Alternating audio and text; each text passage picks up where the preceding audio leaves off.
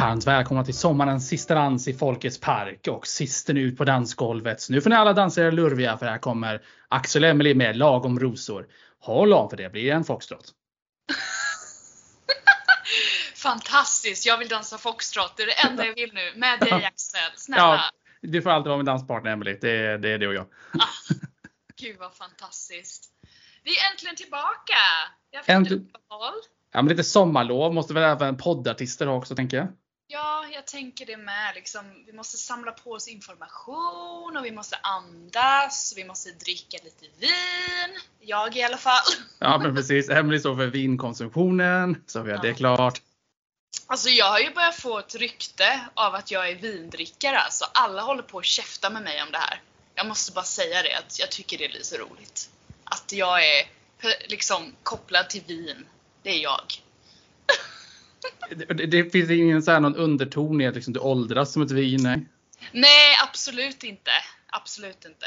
Jag tror bara det är för att jag uppskattar liksom vitt vin väldigt mycket. Olika så här druvor och sånt. Tycker det är kul och det smakar gott. Och jag tycker inte om öl och sånt där liksom. Så jag är så här, ja. Jag får väl vara vintjej ändå.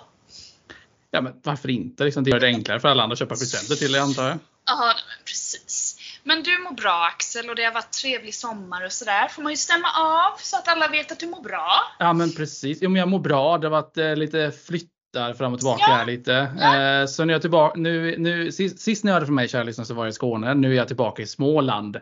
Ja! Eh, ja, tillbaka i Kalmar. Småland. Ja, men exakt, tillbaka i Kalmar igen är jag. Eh, så, lite ändrade planer blir det ibland. Så är det. Ja, så är det. Livet händer. Så är det Livet, liksom. Livet händer. Så nu sitter man i sitt eh, ja, nya kök. Det låter som att man har köpt en ny lägenhet men eh, ja, sitt nya kök. Det är nytt för dig, för du Ja, är men- där nu. Du har Ja, inte varit där tidigare, så jag tycker det är korrekt. Ja men precis. Så att, eh, jo men det är bra med mig tackar som frågar.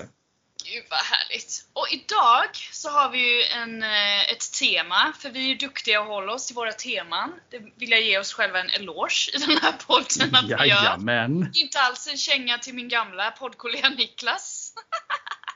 Han kommer hata mig nu. I Han- love han- you! Han, han, är, han är redan sur på oss för att han inte fått en inbjudan han kan tacka nej till först. Ja just det, han vill få inbjudan så att han kan säga nej till den. Ja, och sen, och sen när vi liksom kommer tillbaka så ska han fundera på det. Sen tackar jag. Det, det han liksom berättat hela planen så han har liksom spoilat allt för mig. Den. Åh herregud, vår kära vän.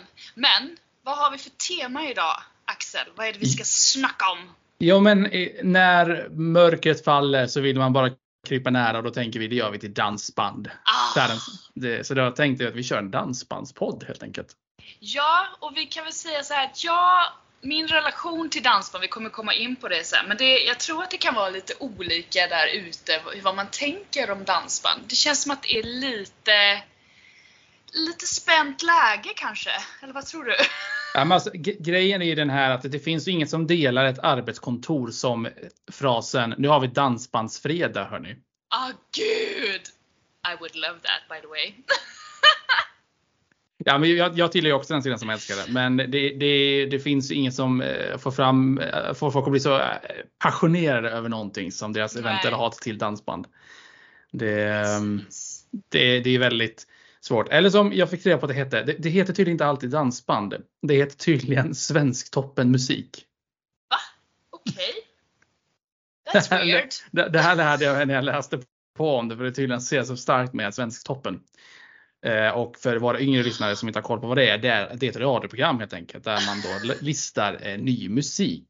Eh, helt ah, enkelt. just det. Precis. Eh, som, eh, så jag tror fortfarande går på söndagar och går i P1 eller på att säga. Eh, eller P4. Det finns väl de som kommer rätta mig. Men ja, det är ett radioprogram i alla fall. Det, det är därför det har inte funnits länge och dansbanden har väl liksom varit där kan jag tänka mig. Ja, men alltså det, det är ju dansbanden och liksom, det, det är de som har dominerat. Att, för det här, det, på det här sättet så är det, både, är det ändå modernt, eller på att säga, Svensktoppen. Folk Ja. åker ut. Låtar åker ut från Ah, just det! Och de kan vara bubblare vet jag också. Ja, men precis. Så då liksom på olika platser kan de avancera sig uppåt då, för det är så här lite olika människor som jury och sånt där. Eh, Ah, så skickas det runt. Så. Nej men, eh, nej, men Svensktoppen eh, har ju bestått mycket av dansband eh, genom åren. I och med att det har funnits, dansband har ju funnits med sedan 70-talet ju cirka. Eh, Ja, nej, i Sverige. precis. Det, det låter det som ju- att du har något att berätta för mig. Har du kollat upp lite eller? Jag trodde att det, här, jag trodde det var min roll i vår podd här, att jag kollar upp saker. Okej, men vad började på 1970-talet då, dansbandet? Ja, 19, cirka 1970-talet slår det igenom och det fanns ju några stora namn redan då. Eh, Flamingo-kvintetten var ett av de stora banden då ju. Är det Flamingo-kvintetten som har barn sen som... Blir Arvingarna. Jajamän. Oh, oh, vi kommer till mitt uh, sen. vi återkommer till helt enkelt en liten cliffhanger. eh, och då tänker alla så här, Flamingokvintetten, jaha, har de gjort en låt man känner igen? Ja, alltså det var en som jag fick, blev faktiskt förvånad över. Flamingokvintetten. Det är den här låten Jag ska måla hela världen lilla mamma. Ja, den kan väl alla sjunga med på och vet exakt vad det är, det hoppas ja. jag. Det är en riktig ja. classic. Det är Flamingokvintetten, Flamingokvintetten tydligen. Det är ett svårt ord, Flamingokvintetten. Flamingokvintetten! Ja, precis. Det känns som man ska ha så här någon passion. Undrar hur fan de kom på det namnet?